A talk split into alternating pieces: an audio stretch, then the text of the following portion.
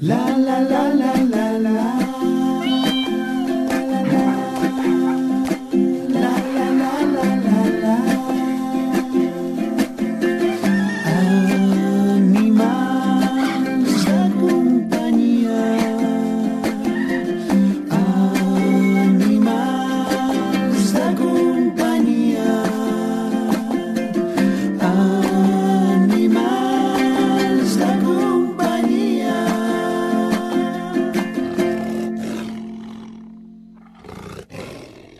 Sabies que Huelles Compartides és una associació que treballa per crear vincles de vida? Fils trencats és el seu primer curtmetratge, una oportunitat per fer visibles a través del cine i altres gèneres audiovisuals realitats com la soledat, l'exclusió social o la malaltia en què el gos pot ser una gran ajuda. La missió d'aquesta entitat és millorar la qualitat de vida de les persones, com doncs oferint i fomentant la companyia d'un gos, una forma de crear vincles afectius, d'ajuda emocional i de companyia. També promouen l'adopció responsable no només de gossos, sinó també d'altres animals de companyia. Ara mateix té en marxa una campanya de petits documentals amb el nom de Vínculos que dan vida sobre els beneficis emocionals que comporta la convivència entre persones i gossos. Huelles compartides, a més, organitza xerrades en escoles, residències de la tercera edat i centres cívics, entre molts altres projectes.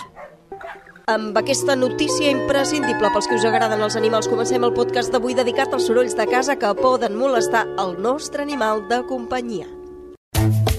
RAC més i Gosby us ofereixen Animals de companyia amb Bàrbara Julve, un podcast per una relació saludable amb els vostres animals.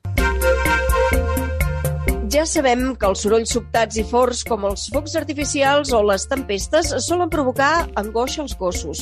Un nou estudi, però, ha descobert que fins i tot els sorolls comuns, com ara el del microones o l'aspiradora, sí, sí, electrodomèstics tant del dia a dia com aquests, poden ser un desencadenant d'estrès.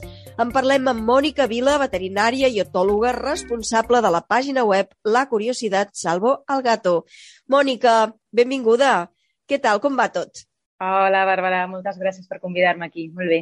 Mònica, sobre la taula tenim aquest tema que d'entrada eh, ens, pot, eh, ens pot sobtar, no? Sorolls tan comuns com això, el del microones o el de l'aspiradora, que són sorolls habituals, no? Eh, que, que tenim a casa, que fem a casa, que produïm. E és normal que els gossos eh, tinguin por, o els gats, és clar, aquest tipus de sorolls? A veure, és una bona pregunta. És normal que tinguin por? Aviam, la por és una reacció adaptativa. Davant d'una situació que ens sembla amenaçant, reaccionem per salvar-nos. Llavors, un soroll fort a la natura podria ser una situació amenaçant? Sí que podria ser. Podria ser un arbre que es cau o una pedra o el xiscle d'un predador. Per tant, fins a cert punt, l'ensurt davant d'un soroll sobtat és normal i ajuda l'animal a salvar-se, a protegir-se d'aquesta situació. El que ja no és normal és quan aquesta por és exagerada, és completament desproporcionada pel nivell d'estímul que l'ha generat o, sobretot, si dura més enllà del que seria lògic. És a dir, quan s'ha acabat el soroll, quan és evident que no hi ha amenaça, aquesta por hauria de desaparèixer. I quins serien els signes d'estrès no? que donaria l'animal eh, que està a prop d'aquests sorolls que tant el molesten?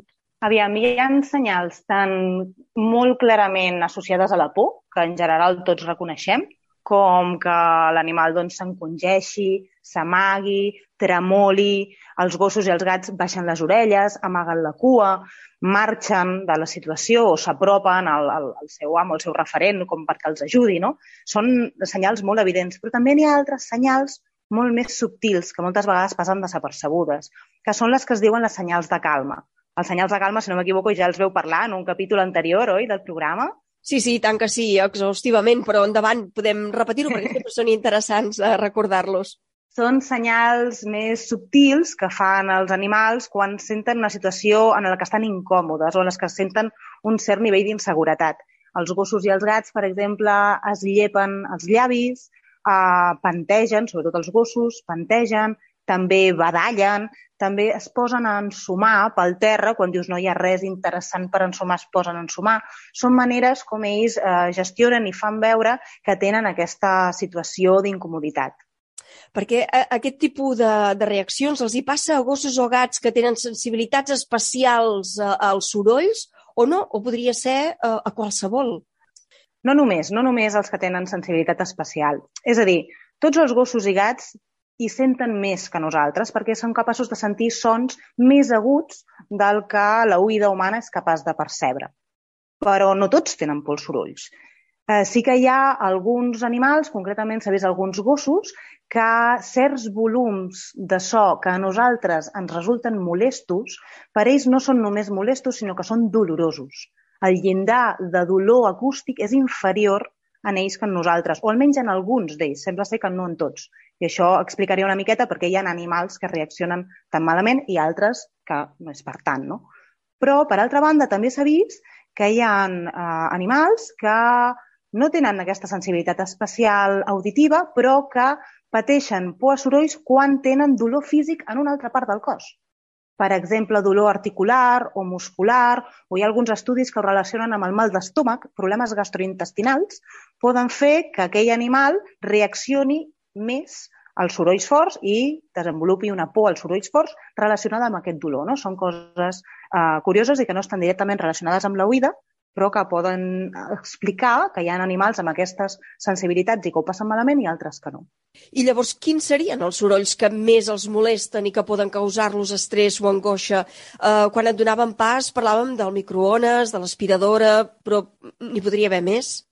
Veuràs, en, en general, el que està clar és que hi ha mm, sorolls de volum molt alt, que siguin molt forts, i que siguin uh, intermitents o, o que siguin de, de poca freqüència, diguéssim, que són els que típicament més por els fan, no? com comentaves al principi el tema dels focs d'artifici o dels trets o fins i tot els trons. Aquest és més general, però en aquest estudi concret, uh, en quant a sorolls més casolans, més del dia a dia, el que s'ha vist que més consistentment dona reaccions d'estrès en els animals implicats, en aquest cas era un estudi amb gossos, són sorolls d'alta freqüència, és a dir, sorolls aguts sorolls aguts i intermitents, com per exemple doncs, algunes alarmes o el so del microones. Aquests xiulets, diguéssim, són els que més consistentment els hi, els hi causa angoixa. En l'estudi sí que està molt clar que els aguts els hi donen angoixa, però els greus, que és una cosa molt típica, el de l'aspiradora, no, no tenen tan clar que això sigui angoixa. És una reacció, però no tenen tan clar que sigui angoixa o simplement doncs, els hi molesta, els hi destorba o els hi fa reaccionar però no necessàriament és por. No? El que sí que està molt clar és que els hi fan por els sons que són intermitents i aguts, com doncs, això, una alarma, un microones, algun bip, bip, algun xiulet. I si hem de posar el microones o hem de fer servir l'aspiradora, com ho fem? Perquè a vegades es fa difícil no? evitar aquests uh, electrodomèstics, per exemple, alguns dels que, que sabem no? Que els hi molesten. Bé, uh, aquí, clar, si som conscients de que el nostre animal li molesta, hauríem d'intentar ajudar-lo d'alguna manera que no l'angoixi tant. Un, uh, un factor molt important és la distància, diguéssim, si ens podem allunyar d'on està l'animal o facilitar-li que es desplaci a una altra habitació que estigui més protegida, que estigui esmorteït el so doncs, amb la porta tancada o a l'altre extrem del domicili per poder fer aquest soroll el més lluny possible, perquè així sentirà menys volum i li farà menys por. També, per altra banda, doncs, dins del possible, dins del possible, si podem esmorteir el so, no fer servir potències tan elevades que tinguin tant de volum, o fins i tot, doncs, si hem de canviar un electrodomèstic, buscar el que faci el so que sigui menys, eh, de menys volum o sobretot menys agut per no molestar-los tant. Sobretot, aquí és molt important que l'animal tingui alguna cosa, pugui fer alguna cosa per allunyar-se del so, escapar-se, amagar-se. El que no hem de fer mai és enfrontar-lo, és apropar-li la font del soroll, com dient-li, veus que no passa res, veus com no passa res, no has de tenir por, i enfrontar-li, apropar-li la batedora, per exemple, seria totalment contraproduent. Estem fent tot el contrari del que l'animal espera de nosaltres, que és que l'ajudem a no tenir tanta por i l'ajudem a allunyar-se de la font del soroll. Si li apropem, estem actuant tot el contrari. Per tant, a part de no acostar l'animal a la font de soroll, el que hem de fer també, Mònica, és entendre bé els seus senyals de calma. No hi ha dubte amb això? Totalment, totalment, perquè quan, quan el nostre animal de companyia sent por, pateix angoixa, el primer que farà serà buscar-nos a nosaltres com a referent, buscar que, ens, que l'ajudem d'alguna manera. Llavors, si som capaços de detectar aquestes senyals i d'actuar en conseqüència, ajudant-lo doncs, aturant el soroll, ajudant-lo a amagar-se, a allunyar-se d'aquella situació, l'animal veurà que el comprenem, que l'ajudem, que, que pot comptar amb nosaltres, per així dir-ho. No? I així també li donem una estratègia, perquè s'ha vist que els animals que no tenen res a fer davant d'una situació de por encara pateixen més por. Si l'animal, si el gos, si el gat aprèn que mirant-nos a nosaltres i demanant-nos ajuda, nosaltres el podem ajudar, el podem esmorteir el sol, el podem apartar, podem fer alguna cosa per ajudar-lo en aquesta por, simplement pel fet de poder comptar amb nosaltres, aquesta por disminuirà. Doncs queda clar, els alimentem, els estimem, els cuidem, els nostres animals de companyia i tenim també la responsabilitat d'atendre, no, Mònica, aquesta reacció de por, ja sigui provocada pels sorolls que fem a casa o qualsevol altre tipus de, de por que tinguin. Moltíssimes gràcies per acostar-nos a aquest tema tan interessant. Moltes gràcies, Bàrbara, per haver-me convidat a parlar d'aquest tema tan interessant i que sé que és tan important pel benestar dels nostres animals.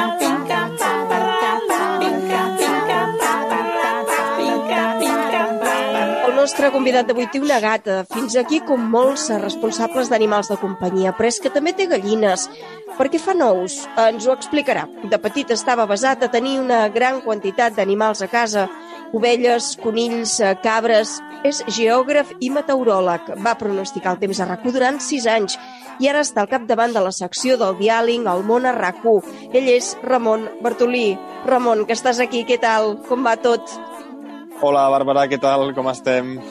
Doncs mira, encantada que estiguis en el nostre podcast. Com és que, que tenies tants animals?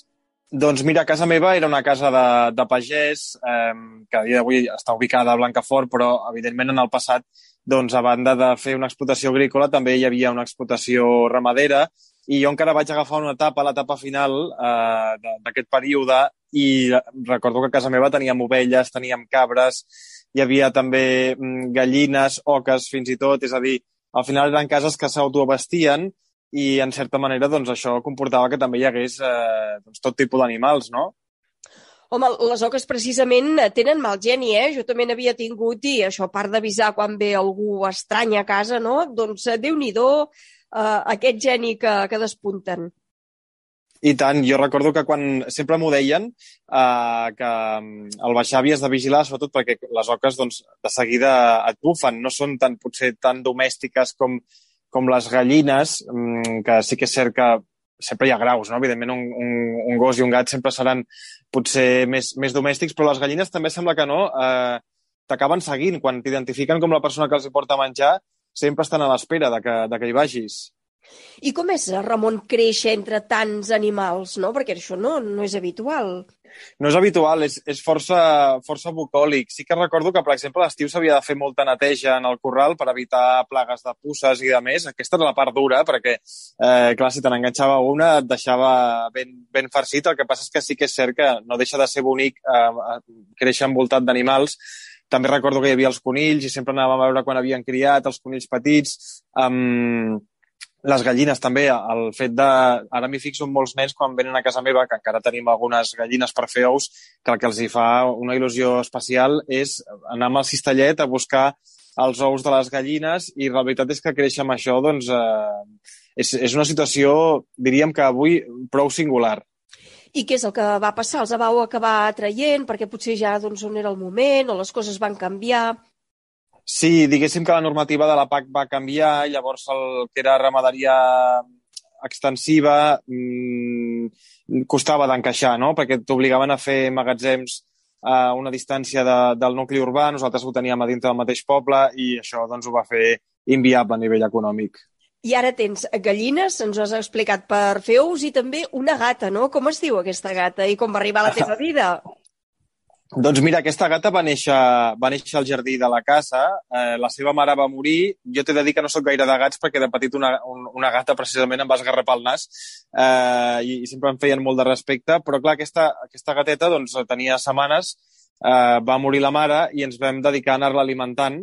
Um, i a base d'això, doncs, la veritat és que ens ha agafat molt d'efecte, molt d'apreci i la tenim molt ensinistrada, molt, molt, en certa manera, eh, ja forma part de, de la família. I li diem negreta perquè és de, és de color negre i, i mira, ens va sortir de dintre dir-li així. I uh, tu ets d'aquells que portes els animals a, a, a casa, que fins i tot, no sé, els afiques a dintre el llit? En, en aquest cas, eh, a casa meva sempre els ha agradat eh, de tenir els animals a fora. Pensa que nosaltres també teníem gossos pastors. Um, sí que t'he de dir que en el cas d'aquesta gateta, um, ella, jo em pensava que el, a base de donar-li menjar es faria gran i s'acabaria acabaria marxant o fent la seva vida, i sí que és cert que s'ha humanitzat molt, no? I llavors eh, la tenim, es va posar ella mateixa dintre del magatzem que està al voltant de la casa, sap, ha identificat la porta d'entrada de la casa i moltes vegades ens espera allà. Mm, llavors, el que sí que mm, alguna vegada he fet és eh, precisament pujar-la pujar, a casa. El que passa és que és molt, és molt moguda, no li agrada estar en un lloc fixe i potser sí que s'està unes hores doncs, a la sala d'estar o així, però també li agrada tornar a sortir. La que surts al carrer et, et segueix i, i de moment té el seu camp base, per dir-ho d'aquesta manera, en el magatzem on li hem, li hem habilitat un espai amb un llit, unes mantes que li vaig netejant eh, sempre doncs, perquè es, es mantingui net l'espai on li porto el menjar i potser per això és ella on identifica que és casa seva, no? Però sí que passa algunes hores a casa, i tant. Uh mhm. -huh. I Ramon, l'Eloi Cordomí, el meteoròleg, ens va explicar en un podcast una particularitat d'un dels seus gossos, en Rem. El que li passava és que quan sentia trons, quan hi havia tempestes a fora, doncs un dels seus gossos bordava. Jo no sé si, en el teu cas, en el cas de la teva gateta, passa alguna cosa similar.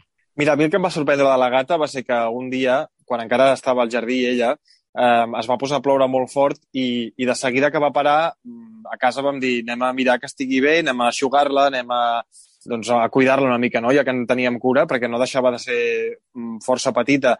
I vam baixar i quan va aparèixer estava absolutament seca, és a dir, que ella ja va entendre que, que es posaria a ploure fort, es va posar cobert i és que no es va mullar mm, absolutament eh, res, eh, estava completament seca i em va cridar molt l'atenció. També em va recordar doncs, que hi ha altres animals, com a vegades les oranetes, que les veus volar molt baix quan s'està acostant una tempesta, o, o una gossa que tenia que també, mm, quan havia de fer tempesta, tenia, ja la veies molt espantada i era la, era la manera en la, en la que veies que arribarien les tempestes. Quan aquella gossa es posava nerviosa, doncs eh, ja ho veies a venir. És veritat, eh? tenen una sensibilitat especial, eh, els animals, i, i mira, en aquest cas coincideix també meteoròleg, geògraf, no? I, i també sí. un animal de companyia. Sí, sí, evidentment. Um, jo com a geògraf de formació acadèmica doncs t'agrada molt observar el medi i a vegades a, a través de, de les plantes, dels arbres i, i dels animals doncs te n'adones que ells mm, ens expliquen moltes coses d'aquell entorn i, de, i dels fenòmens que també s'estan eh, produint i jo això doncs evidentment amb els animals ho he pogut veure també i, és, i, i és, eh, francament, és, et, et diria que és pràcticament màgic aquesta, aquesta sensació que tens de, de veure que els animals s'anticipen a tu. Et sembla molt intuïtiu i, i realment eh, molt especial. Hem parlat de que tenies eh, gallines. En tens quatre, uh, Ramon? O quantes en tens? Sí, tinc, tinc quatre gallines. Uh, les tenim bàsicament per, per ous i les tinc amb un, amb un cobert. És un galliner que té una part coberta on hi ha les ponedores i la barra on dormen, la part descoberta perquè puguin sortir i passejar una mica. Però sí que és cert que a mi m'agrada que encara passegin més i acostumo a obrir-les durant ara sobretot quan és hivern, eh, durant les hores centrals del dia, quan fa sol, les obro perquè els agrada molt escarbar, buscar cucs, cargols, herba fresca, i, i la veritat que durant unes hores sempre les deixem sortir perquè escampin una miqueta més, no passegin una mica més, obrin les ales, i sí, sí, les tenim per, per ous. I per acabar, ja que parles de passejar, deixa'm explicar-te una anècdota que em va passar a mi. Jo també tenia dos gallines, aponedores en aquest cas, i durant uns dies van deixar de pondre ous i ho vaig trobar estrany i, per casualitat, al cap d'uns dies més vaig trobar entremig d'uns arbustos un piló, però potser n'hi havia 20 o així o més, o una trentena d'ous en allà. No sé si tu t'ha passat que aquestes teves gallines s'hi passegen, no? En lloc de pondre en el seu eh, eh espai habitual, ho facin en algun altre lloc. Sí, de fet ens havíem trobat, elles són molt de costums, però el que em vaig trobar d'inici és que jo de bon matí ja les obria i elles sortien a passejar i van trobar una zona que hi ha com uns, uns carruatges, uns carros vells, eh, doncs els hi va agafar per posar-se a pondre allà i quan vaig trobar també com, com una vintena d'ous, vaig dir, ostres, això no pot ser, i vaig aprendre que sempre és millor, si vull que ponguin sempre les ponedores, eh, d'obrir-les a partir de, de migdia, no? que és quan ja han post els ous, perquè si no et pots trobar amb aquesta, amb aquesta sorpresa. Doncs amb aquesta sorpresa posem punt i final a l'entrevista d'avui. Ramon Bartolí, geògraf i meteoròleg, et seguim al diàleg, al Bon Arraco. Moltíssimes gràcies per participar al podcast Animals de Companyia. Un plaer, Bàrbara.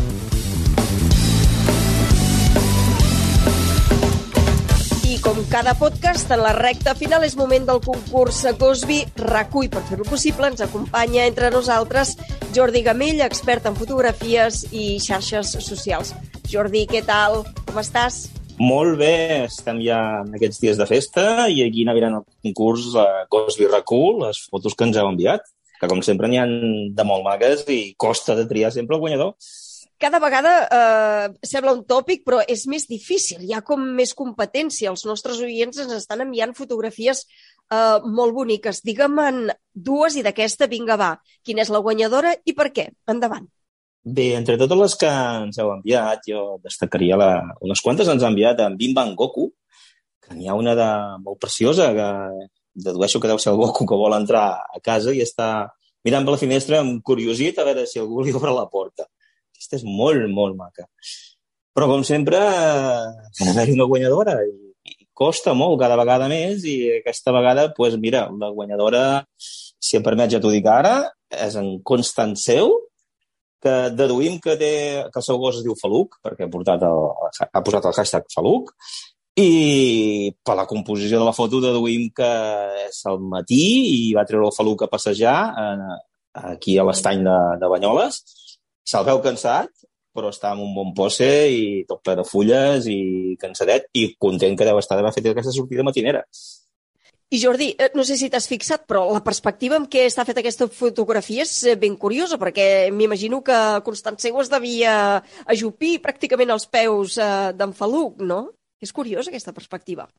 És curiosa, sí, és totalment curiosa perquè el, el Faluc el tenim aquí quiet, en plan postureo, i sí, clar, evidentment, és una mica de picat des de terra, eh, aquests colors tan macos i tan bonics que, que hem en aquest hivern, i tota la composició està molt ben feta, i això que et deia, de bon matí, en Faluc ben content, amb la passejada, i ensenyant la llenga, de cansadet. Sí, sí, expressa ben bé un bon moment de cansament i de plaer a, a la vegada. Doncs ja ho sabeu, per a ell, per en Constanceu, per al seu gos Faluc, eh, és el premi, rebrà a casa doncs, un lot de productes Gosby, ja ho sabeu, aquesta marca sense secrets, amb una dieta mediterrània, amb un procés d'elaboració propi i amb molt de respecte i amor pels animals, el que fa falta, no? Jordi, respecte i amor. Respecte i amor pels animals i per tothom, evidentment, en aquests dies tan complicats que, que estem passant tots plegats. Doncs exacte, malgrat la situació que no hi falti això amor i respecte per a tothom. Jordi, una fortíssima abraçada. Una forta abraçada a tots plegats i fins aquí, si em permets, acomiado el podcast d'avui. Com veus, ja ara ja ho sé dir. La, la, la, la, la. RAC més i Gosby us han ofert Animals de companyia amb Bàrbara Julve. Un podcast per una relació saludable amb els vostres animals. Sabies que Gosby és la marca catalana per excel·lència en la preparació d'aliments d'alta qualitat per als nostres gats i gossos? Perquè alimentar és una forma d'estimar, Gosby, l'alimentació conscient per als teus gats i gossos. Ens trobaràs en clíniques veterinàries i comerços especialitzats de proximitat. Consulta'ls a gosby.com.